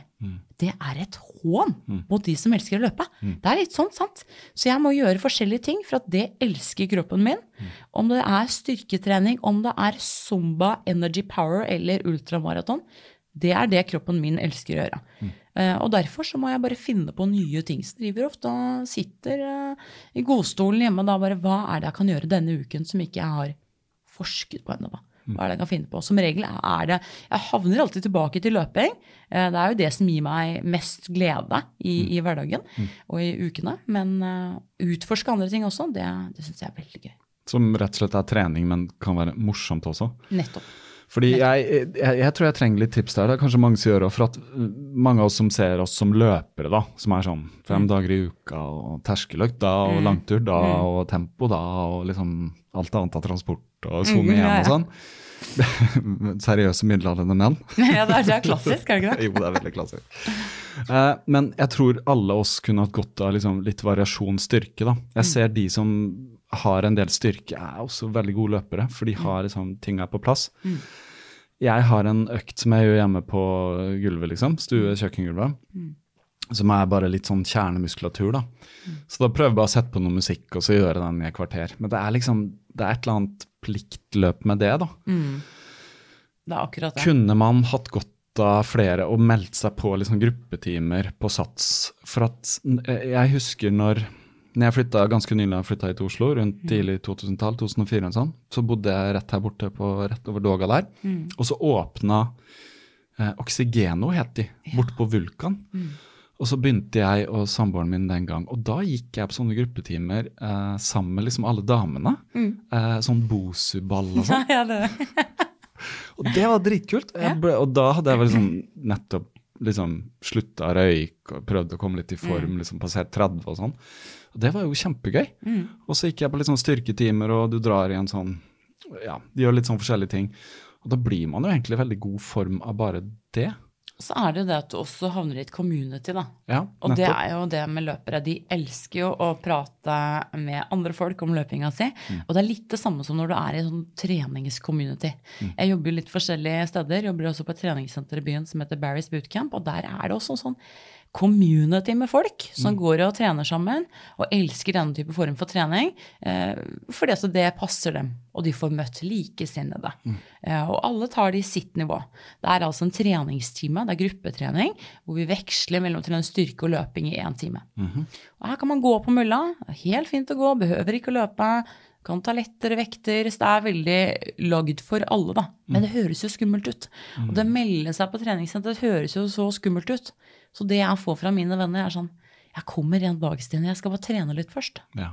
Sånn, ja, Du blir trene? redd for å ikke være liksom Ja, ikke sant? For å være top notch. Men, men hvor skal de trene, da? Hvor er det de skal trene før de kommer og, og melder seg på? Så det er litt sånn det er bare å hoppe i det, tror jeg. Det var jo sånn jeg også begynte. Jeg bare hoppet i det, meldte meg inn i Friskis og Svettis. Ja. Ante ikke hva jeg gikk til. Og vips, så er du på time med Alexander Rybak og koser deg gløgg. Og ingen eh, skuler på deg og tenker 'hva er det den personen driver på'? Har du noensinne opplevd å bli dissa eller Nei, noe det som var jo helst? akkurat det. Jeg tenkte på det i går. Da var jeg på herregud, det er lenge siden jeg har vært på Zumba av alle ting. Det er jeg virkelig dårlig på. Jeg tenkte at nå skal jeg bare ha en liten uke hvor jeg tester mange forskjellige ting. Eh, og da meldte jeg meg på Zumba-time og tenkte sånn Alle kommer til å stirre på meg, her står jeg gravid og ikke sant. Stelle meg bakerst. Mm. Er det en man, sånn brasiliansk brasiliansk ja, man danser dansetrening? veldig mye med hoftene. Ja. Mm. Vrikker veldig mye. Jeg har ikke rytme whatsoever. det ser jo sånn stiv. ut på Instagram. så Ja, nei, jeg, jeg bare tuller. Jeg bare tuller. Eh, men det var jo så gøy. Mm. Eh, og så oppdaget jeg at ingen ser på meg. Alle ser på seg sjæl Mm. i speilet og ser om går den hofta til riktig side. Er Mm. det høyre? Er det venstre? Gjør vi det riktig nå? Jeg hadde det så utrolig gøy. Og, folk kom bort til meg og det ser ut som du har det så gøy og er så glad i timen. Mm. Og det er det det er snakk om. sant? Det er, du skal jo være glad. Det er som på løping. Du skal være glad på løpetur. Mm. Det er jo derfor vi driver med det her. Vi er jo hugerne, men vi er jo satan så glad også, ikke Ja, sant? Hvis ikke du er på slutten av en langtur, tre tretimerstur tur, alene ja, i kulden, eh, kalde Oslo, mørkt, eh, som jeg har vært noen søndager nå, da er man ikke så glad. Men, Nei, man, man kjenner det rykker litt da. Jeg var på Jessheim ja. halvmaraton ja, det var det. tilbake, og da kjente jeg at det det begynte å bli litt kaldt. Det hadde vært det var godt å komme i mål da og kjenne at man eh, kommer Mm. Men da har man jo på en måte det langsiktige perspektivet, for min del, da. Ja. Jeg skal løpe i Malaga, Spania. Altså, det er sånn, Ja. Jeg gjør dette nå for å takle det Ikke på en sant. bedre måte. Så noen ganger er det jo Men det er jo som du sier, det, jo, det trenger ikke være eh, liksom et slitt, da. Altså, det høres ut som du har det gøy, og jeg kjenner nå at Jeg har også sett at du poster fra Barry's bootcamp og sånn. Mm. Jeg får lyst til å prøve. Hvordan gjør man det? Kan man dukke opp der, eller Kan bare hvordan? dukke opp. Ja. Ja, det er bare å dukke opp. Masse drop-in-timer. Kan også kjøpe deg pakker om du vil det. Kan mm. dele med kompis. Så kan dere kanskje gjøre det annenhver gang. Jeg kjenner at jeg har lyst til å prøve mer sånn. Ja, og det er, det er gøy. Uh, Det er mange løpere som går der. Jeg har veldig mange løpere på timene mine. Mm. Uh, Jeg har ofte timer på torsdager hvor fokus er på løping, styrketrening for core, altså mage, Mm. og rumpe mm. og bein. Så det er type sånne løpe, løpetimer jeg har. Og så har vi jo noen fantastiske møller, da. De er jo så deilig. Det er sånne Ja. Woodway-møller, ikke sant. Jeg har jo- ikke snøring på møller. Jeg er Nei. veldig uerfaren på møller. Jeg har løpt på en her borte. um, ja. Husker ikke hva det heter. Jeg meldte meg på i fjor vinter. Fordi det er glatt ute og jeg ville ha noen økter og trente halvmaraton osv. Men jeg blir, jeg, jeg blir ikke helt dus med den. Det var så varmt inne òg. Blir så innmari for så åndenød. Ja, ja, det skjønner jeg. Nei, vi, her er det vifte, for å si det sånn. Ja. Og så er det sånn ja, megadeilige møller. Jeg kaller jo alt annet sånn beinhinderbetennelsemøller. Ja. Uh, fordi det er sånn dun, ja. dun, Gung, sant? gung, ja. ja. Så jeg, jeg trives med både å ha timer der. Uh, det er veldig morsomt. Vi kalles jo entertrainere. Entertrainer. Entertrainere, Entertrainer. ja. Trainer. Så det er jo et amerikansk konsept. Men, men en kul greie. Jeg startet opp av en kar som hata å trene. Mm. Elska å være på byen og feste i New York. Og skjønte at dette livet her, det kan ikke jeg holde på med. Mm. Det er gammel og grå, sant. Så han startet et gym som skulle etterligne litt det å være på, på byen. Eh, Og ha det kult. Så det er ganske rødt i rommet. Det ser ut som du går inn på et utested, faktisk. Det gjør det, av de bildene, eller filmene jeg har sett. Og så er det litt sånn jøss, yes, er det et disko det her, eller? Hva, skjer her inne? Og så er man da løper på mølla og trener styrketrening om, om hverandre. Mm. Så går jeg rundt og entertrainer deg og ser til at du gjør ting riktig. Mm. Du løper eller gogger eller går eller hva enn du gjør. Det er jo en trygghet i det òg, å være på. Det, det må jeg si noen ganger, så er det sånn Jeg tenker tilbake på de timene på, på det som het da Oksygen, og ble kjøpt Mm. av Sats eh, etter hvert. Det var kult at det var en der som hadde veldig snøring på det han drev med, så jeg skjønte bare litt sånn teknikken og Ikke sant? Du vet. Det er akkurat det. Som, som guider deg litt. Ja. For det er jo, sånne ting er jo viktig. Akkurat som du går på yoga, yoga første gang også, så liksom, kommer det en rundt, og så når du står Litt i den der ja, drar deg i hofta, ja, så, å ja, sant. så skjer det ting. ikke sant? Så det er kjempeviktig å ha noen sånne folk som du Men hvor lenge kan du holde på med dette nå når du Nei, gud, jeg, vet hva, jeg er jo så spent, jeg. Ja. Eh, Det har jo gått veldig bra hittil. For det vet du selvfølgelig ikke. Vi vet jo ikke det. Nei. Jeg har jo mange venner som har kommet eh, ja, likt i graviditeten. og Nå snakker vi uke 25-26. Ja, nå begynner du å Du har 40 uker cirka. Ja, det, ikke sant. Skal det, du, ja. Så det er jo en god stund til. Jeg har jo meldt meg på et løp til før jul. Eh, Hvilket er det? 22. desember, Fornebu julemaraton. Fornebu jul, et helt maraton? Nei, nei, jeg tar halv. Ja. Du tar halv. De hadde halv, og så hadde de hel og ultra. Ja.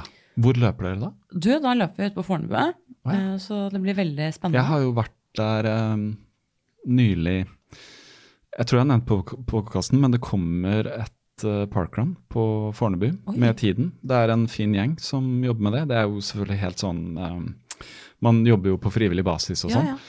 Men uh, gjennom parkrun her så har jeg kommet i kontakt med de, så vi var ute og testa en løype. Ja, Uh, for å må finne en fem kilometers Altså ikke én sløyfe, men liksom ikke sant? kjøre noen loops, da. Ja. Så det var kjempegøy, og ja, så det skjer. Eh, men der ute er det jo flatt og jeg, har- jeg, jeg har hatt noen av langturene mine via der, faktisk, nå når jeg har løpt sånn tremilsturer og sånn. Ja, jeg liker også å løpe ut is. Når Ja. jeg bodde på Ullern, så var det fint å løpe Fornebu og Mm. til byen, f.eks. Men er, går hele maratonet der, eller hvordan? Du, jeg har ikke sjekket Det opp. Det er, ja, det er, det er Hvor nytt, skal eh, relativt nytt løp. 22. desember? 22. desember. Eh, Jeg tror det er fulltegnet allerede. Ja, det er jo litt sånn. Altså, alle har jo lyst til å være med på løpet i desember. I hvert fall merker jeg, så er det sånn ja. «Å, Herregud, hva skal du på? Jeg har så lyst. Så begynte jeg å maile, da. Så, Mm. så meldte jeg meg på, og så sa han sånn PS, følger deg på Instagram. Du får si fra hvilke cravings du har i løpet av løpet. Så jeg syns det var litt artig, da. Så kanskje ligger det en skumnese på et checkpoint, eller Ja, ja, eh. Begynte å kalle det checkpoint, vet du. Helt skada av ultramiljøet. ja. Men, Men eh, det, det akkurat det er jo veldig greit å tenke sånn, for at hvis du skal løpe et langt løp, så er Mm. det greit å stykke det opp. Mange forteller jo om det når de løper ultra. De bare de stykker det opp. Yes. Sånn som Jeanette Vika som løper liksom i Spartatland. Ja, det var helt utrolig. 250 km sirkus, ikke sant? Du kan jo ikke tenke deg at jeg har 250 km igjen. Altså, du, du må alltid tenke Ja. jeg skal til et checkpoint, og så tar vi det derfra. Men da kan man jo stykke det opp i dine podkast, kan man ikke da? Jo, Ta sånn kan der episode én, episode to. Ja. Det lønner seg hvis du skal høre på denne podkasten og høre på den for første gang, fordi Ja. at Stine Hartmann er her, så begynn på nummer én. Begynn på nummer én. For da tror jeg du kan følge min utvikling også. ikke sant? Det er jo Fra glad amatør til litt mer sånn ja, Ruta. Litt Ja. mer rutinert etter hvert. Ja. Men uh, alle, alle må begynne et sted. Alle det gjelder jo løping, det gjelder podkast, det gjelder om du vil lage Instagram stories. Om du vil lære deg å bake brød, Hva- hva som jeg promoterer. En, en artig ting jeg har begynt med, da, det, det er jo faktisk å løpe med en, en jeg kjenner ute på Nesodden, som er blind. ah, Og det syns jeg har vært spennende, for jeg har jo Mm. ikke Jeg har vært med på litt blindeløping inne på Bislett, så jeg har liksom blindeløpergruppe, men aldri løpt ute på isen med en blind person før. oi. Så den dagen hvor det virkelig begynte å snø, iallfall ute på Nesodden, og Mm. ble ganske glatt, da skulle vi ut på tur. Mm -hmm. Så sånn relativt langtur på ja, bortimot en og en halv time, to timer. Mm. Og det var spennende, for jeg var litt sånn herregud, hvordan, hvordan gjør man det? Eh, når ser jeg høyre, venstre, sant? Mm. Eh, men det gikk eh, overraskende greit. Eh, hun var jo i så god form, så vi løper altså med sånn skolisse mellom oss. Så kan jeg dra henne til meg Ah, eh, når jeg trenger det. i så fall. Så det var sånn en ny måte å løpe på. Man må tenke litt på, på andre ting. Altså, mm. kan man ikke snakke seg helt bort, for at man må jo si nå, nå kommer det sving, eller nå kommer vi ned. Og... Så det er helt nytt for meg. Hadde du med henne på øh, Jessheim der, eller? Ja, Jeg jeg, jeg så- ja. ja. Mm. vi har blitt kjent, så jeg kjørte henne dit og lurte på om jeg skulle løpe sammen med henne. Mm. Men så har jeg en kompis som også er da eh, ledsager for blinde, Mm. så han løp sammen med henne. Men jeg har veldig lyst til å løpe flere løp eh, um, med Åste, heter hun. Uh, med Åsta. eh, fordi hun, eh, hun har så fart også, vet du. Mm. Det er det som er helt utrolig. Da jeg bremser i disse isete nedoverbakkene, så setter jo hun utfor. Så det så jo veldig morsomt ut. Vi hadde en løpetur på ja, kanskje 14 km. Og så skulle vi løpe ned i skogen på Nesodden der, og så må jeg selvfølgelig tisse. Sånn hele tiden. Så jeg løper under skauen, og så jeg bare Du, jeg bare sitter her, ikke rør deg. Hun bare Nei, det klarer jeg ikke uansett, for jeg har ikke snøring på hvor jeg er. Nei, nei, nei. Så hun har jo veldig god ironi på meg. Ja. Så det syns jeg er helt fantastisk. Men det er fantastisk å løpe, da, når du er Ja. blind. Altså, eller at Jeg ble helt Jeg syns det er så Ja. utrolig. Ja. Og var med på sitt første løp nå, nå i høst. Mm. Og det gikk så bra eh, at hun har meldt seg på flere. Yes. Så jeg blir, jeg blir så imponert Ja, det folk får er til. imponerende. Ja, veldig. Men tilbake til hva, hva tenker du med denne graviditeten? Altså det er jo um, Eller denne graviditeten. Ja, ja, ja. Dette barnet. Det er jo ingen tvil om at det er eh, en stor endring å få et barn. Har du rukket å tenke på sånne ting? Hva, hva skjer? Hva skjer? Jeg må nok eh, kutte ut noen av jobbene mine. Jeg har jo litt sånn slash-yrker, så jeg har kjent på at eh, et par færre treningscamper og, og slike oppdrag jeg driver med i treningsverden. I hvert fall for en liten stund. For Altså, en liten stund. Sant. Mm. Det er sant. Så, og det blir jo ja, Ingenting er for alltid. Ja, ikke sant. Ikke sant? Og endringer i rutinene, da, sånn som uh, vi snakket jo litt om i stad, denne søvnen, denne nattesøvnen, Mm. den blir jo rokket på ganske kraftig. Jeg er jo en person som er eh, vant med å stå opp klokken fem og, og legge meg ti, Mm. så tidlig, og, tidlig opp, det skal jeg nok klare. Men eh, det å bli vekket gjennom hele natta, den blir jo noe nytt. Men Mm. så er det jo det med at man, man får jo hormoner, sant, som gjør at du klarer faktisk å Klarer deg med lite søvn. Man klarer seg.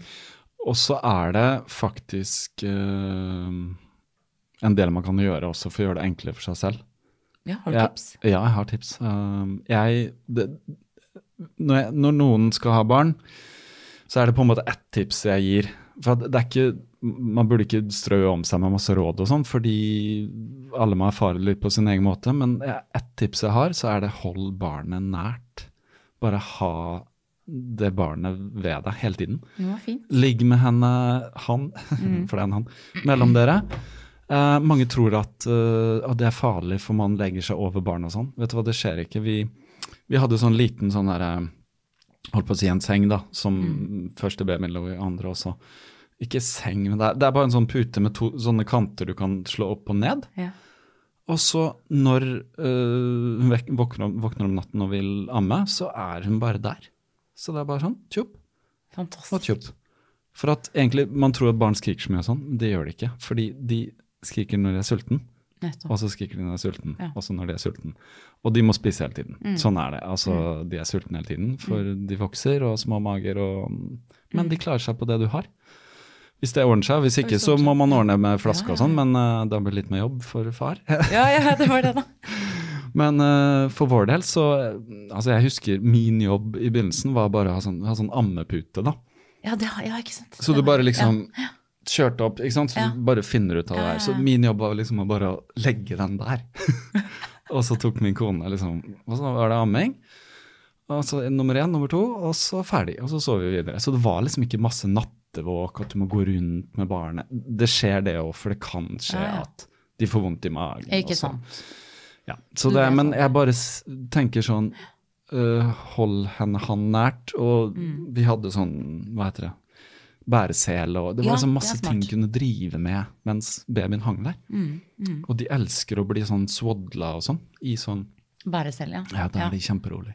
Ja, det er veldig fine ting du sier der. Og så tror jeg det er bare viktig å, å la den bare bli en del av hverdagen vår. sant? At man ikke skal tenke så mye sånn Å gud, nå har jeg blitt mamma Stine, Mm. i- istedenfor at, jeg, at jeg fortsatt er Stine, men med et barn, da.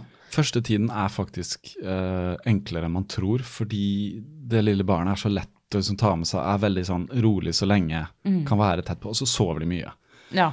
Så det er 20 timer i døgnet søvn uh, i begynnelsen. Det er masse som en hund, det. Ja, det er som en hund.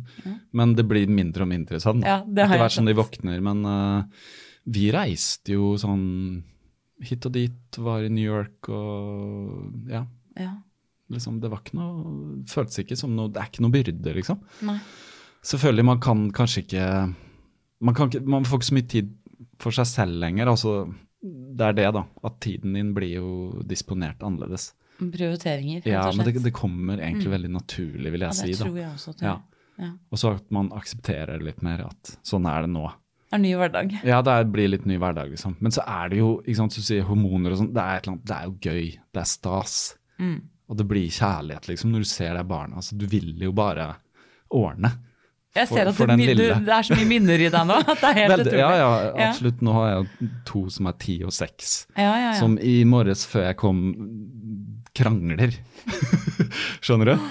Som er kjempesinte på hverandre, og så står der og jeg er alene med dem. 'Å, nå skal vi pusse tenner, og nå må vi få på hvor er gymtøyet ditt', og skjønner du. Det, da er det helt annerledes. Da er personligheten på plass. Da er personligheten på plass, eh, og da er det alt med det. Men selvfølgelig, når de er så små, så er det jo bare Det er litt mer fryd og gammen. Ja, det er fryd og altså. gammen. Og så er det veldig, det er egentlig veldig rolig, altså. Ja. Det er sånn eh, Det er ikke så mye. Begynner å glede meg nå. Ja, Ja. det kan du gjøre, fordi det er eh, Selvfølgelig, det er tøft å være småbarnsforeldre, for det, det er det det kan Altså, alle graviteter er forskjellige, og alle små barn er forskjellige, og noen er veldig eh, krever litt mer. Altså, jeg bare ser, jeg har to, de var veldig forskjellige. De er veldig forskjellige. Hun ene var sånn Skulle bare spise så fort som mulig, og hylte mellom puppene. Skjønner du? Så når jeg var ferdig med denne puppen, så var det sånn «Æ!» Og så var det nummer to, og så å, sovna bare. Ja. Mens hun nummer to er mye mer rolig, liksom en helt annet temperament. da. Og det ser jeg jo fortsatt. Det er gøy å se at du kan Ja. se personlighet fra så tidlig stadie. Veldig, Særlig det temperamentet, som er en del av liksom Kall det et instinkt, ja. Nesten. da. Altså hvordan man liksom håndterer ja. Så, Men eh, så lenge kan være nært, og altså vi har lest en del om dette, jeg og kona. og det, Du har tre trimester ikke sant, nå Mm. når du er, eh, bærer inni seg, liksom, som kan skilles litt sånn fra hverandre. Og så sier de at når babyen kommer ut, så er det et slags fjerde trimester. Mm. Og det er fordi uh, det som er spesielt med oss mennesker, er at vi blir født veldig tidlig. Fordi vi har så store hoder. Hjernen vår. Alle andre dyr føder jo en kalv så fem minutter, så er de på beina. Og så må de klare seg selv. Ja, ja. Mens et menneske i et år, så er det helt hjelpeløs. Altså lenger, egentlig. ja, det er helt utrolig. Men de, de Ikke sant? Så når, når det, det som er greia, som mange tror, da, at når den babyen kommer ut, så forstår ikke den babyen at hun ikke er en del av deg lenger. Eller han. Mm. Ikke sant? Så det er liksom fortsatt bare å oppføre seg som om Den er inni Ja. deg, nesten. Ja. Ja. Så bare Det er vel derfor den ligger liker å ligge så innmari trygt Og så- brystet. Ja. Så når du har sånn bæreceller Alltid er trolig, det merka jeg. Det var alltid barnet helt trolig. Det er som bare sånn. Så fantastisk. så kunne de sove, og så ikke sant? De hører hjertet som slår, som også Ja, nå nå. har Sånn. jeg, jeg begynt å teste ut litt eh, låter, faktisk, Mm. på, på kveldstid. Når det er mye liv og leven der inne. Når jeg føler at Karate Kid har lyst til å komme ut, Ja, for nå begynner du å kjenne spark, tenker jeg. Ja, nå er det fest hver kveld, og for et annet menneske så er det tøft i ett-to-tre på natta. Mm. Så da tar jeg på et par låter, eh, og så setter jeg høretelefonene inn til magen. Ja. Og noen ganger så har det faktisk funket. Ja. Litt mer liv og leve enn eh, enkelte låter, hvis jeg driver og leker meg i musikkverdenen Mm. for å finne passende toner. Så gøy. Ja, det er, det er veldig moro. Den lyden kommer jo inn eh, Ja, Ikke den gjør det. Den gjør det. Den gjør det. Men uh, vet du hva, Stine? Uh, jeg tror i dag så er dette en fin uh, lengde. rett og slett. Det, dette blir en litt sånn førjulspodkast. For uh, nå går det fort. Nå Desember det Desember er kommet. Uh, Oi, jeg er det skal, 24. ja, jeg skal snart reise til Spania, og, ja, og så er det, plutselig er det juleferie og sånn. Så uh, tusen takk for at du kom. Eh, jeg lenker til din, din Instagram på notatene her, men eh, du er ikke så vanskelig å finne. Og jeg er sikker på at veldig mange som hører på i dag, også vet hvem du er. Kan være. Ja, eh, Kanskje vi har hatt noen nye lyttere med oss. Det er det som er gøy med å ha veldig mange forskjellige mennesker på podkasten. Du får så utrolig mange folk som hører på, vet du. ja, det, Ulike mennesker. ja, det kommer stadig nye til Ja. uh, som oppdager podkasten. Og det er alltid liksom gøy å se. Altså poster de sånn 'Har oppdaga denne podkasten?' Og Og sånn gjorde jeg det med din også, ikke sant? Mm. Det var der jeg oppdaget uh, flere løpere. Ja. Som jeg tenker at dæven, de har jeg lyst til å begynne å følge og lese artiklene til. Så man blir jo veldig inspirert av podkasten din, da. Det må jo bare sies. Det er så gøy å, å kunne høre på. Og nettopp det å bruke det til disse langturene, ikke sant. Så kanskje når jeg er ute på trilletur neste gang, så setter jeg på en gammel Kapp Tare-episode. En gammel Ja, det, det er faktisk blitt en gammel kaptar. Er ikke det litt gøy å vite? Jo, det, det er nesten litt rart. Ja. Men det er eh, Alt er fra 2019, så så gammelt er det vel ikke. Det er kanskje noe som er spilt inn. Av de tidlige tingene så kan man nok høre at uh, der var det litt Det er jo ikke bare løpere som har vært, det har vært noen andre også, men eh, det har blitt en slags sånn uh, livet rundt løping, da. Fordi det er så mange mennesker som løper som Ikke sant? Og det har vært ultraløpere, og det er så mange forskjellige. Så Det er det jeg syns er så spennende, som Ja. vi snakket om. Og at det er rom for alle. Det er rom for alle, absolutt. Og jeg får stadig tips òg. Det er veldig mange som skriver til meg med tips, så jeg oppdager jo Og så er hvis jeg er et eller annet sted, så møter jeg Sånn som jeg var på Bislett 24, så kom det en fyr bort til meg.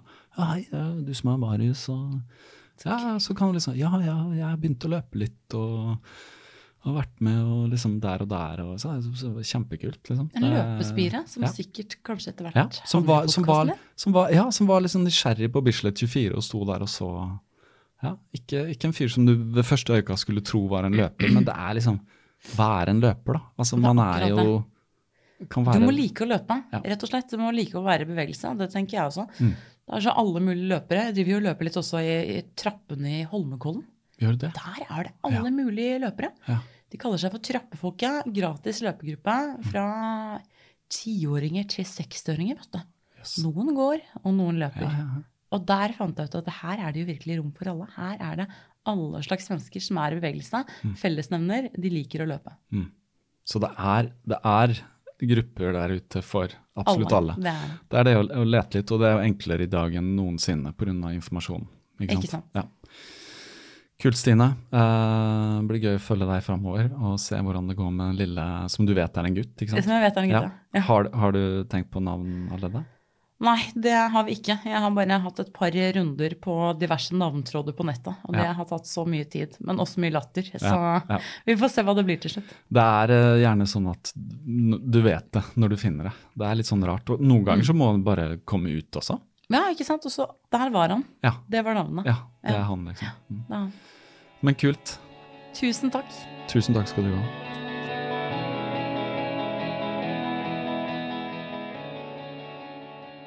Det var Stine Hartmann. Hun, eh, Hvis ikke dere følger henne på Instagram, så kan jeg legge link til den også i eh, podkastnotatene.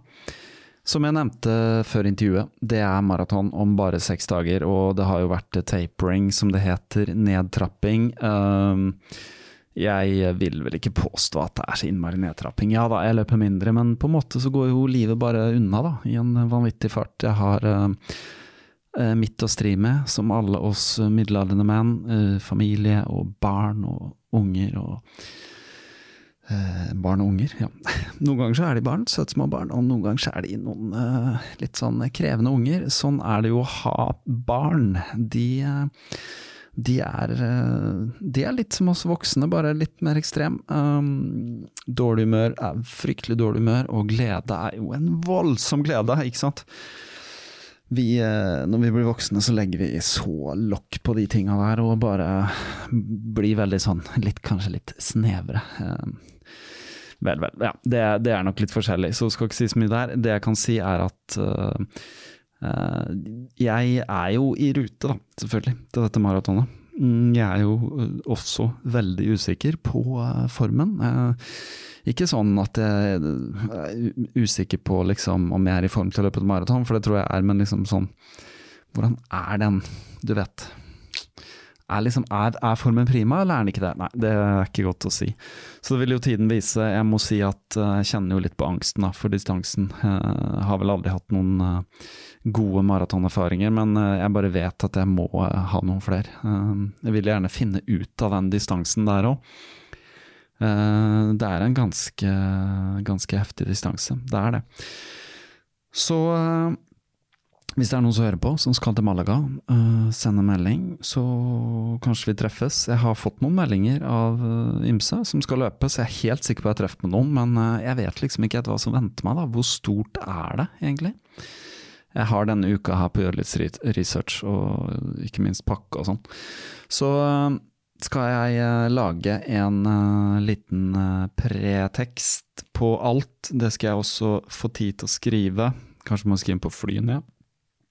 Den legger jeg på Patron. Så igjen, tusen takk til alle som hører på denne podkasten. Støtt meg på Patron. Det er veldig kult at dere gjør. Og så ønsker jeg alle som har lyst til at podkasten skal bestå, uh, å gå inn på Patreon og se om du kan bidra med tre dollar i måneden. Tre dollar, altså. Det er vel underkant av 30 kroner, kanskje. Um, jeg ser at de som kommer og støtter podkasten, er gjerne de som allerede er på Patreon. Uh, min kollega i podkasten Nå er det alvor, Hans Christian, han er innmari flink der. Han uh, har veldig mange patrions, og flere av hans patrions er også mine patrions. Jeg ser jo at når du først er inne, så er jo terskelen lavere. Um, ja. Så ta en titt, og uh, avgjør for dere selv. Jeg kommer i hvert fall til å poste og dele mye ting der. Da er det veis ende med denne episoden. Og så håper jeg at dere får løpt litt, selv om det er holka ute. Det er sannelig ikke lett. Ellers er det jo tredemøller. Ellers er det Bislett inne. Og så er det jo sånn da, at eh, det går an å trene litt andre ting enn bare løping òg. Uh, se på Stine som trener så mye andre ting, og så er hun bare så sterk i, beina. Det har uh, fått eh, øynene mine opp litt for at jeg må uh, kanskje bli litt mer allsidig. Ja, ok. Nå får dere komme dere videre i dagen. Ha det fortreffelig.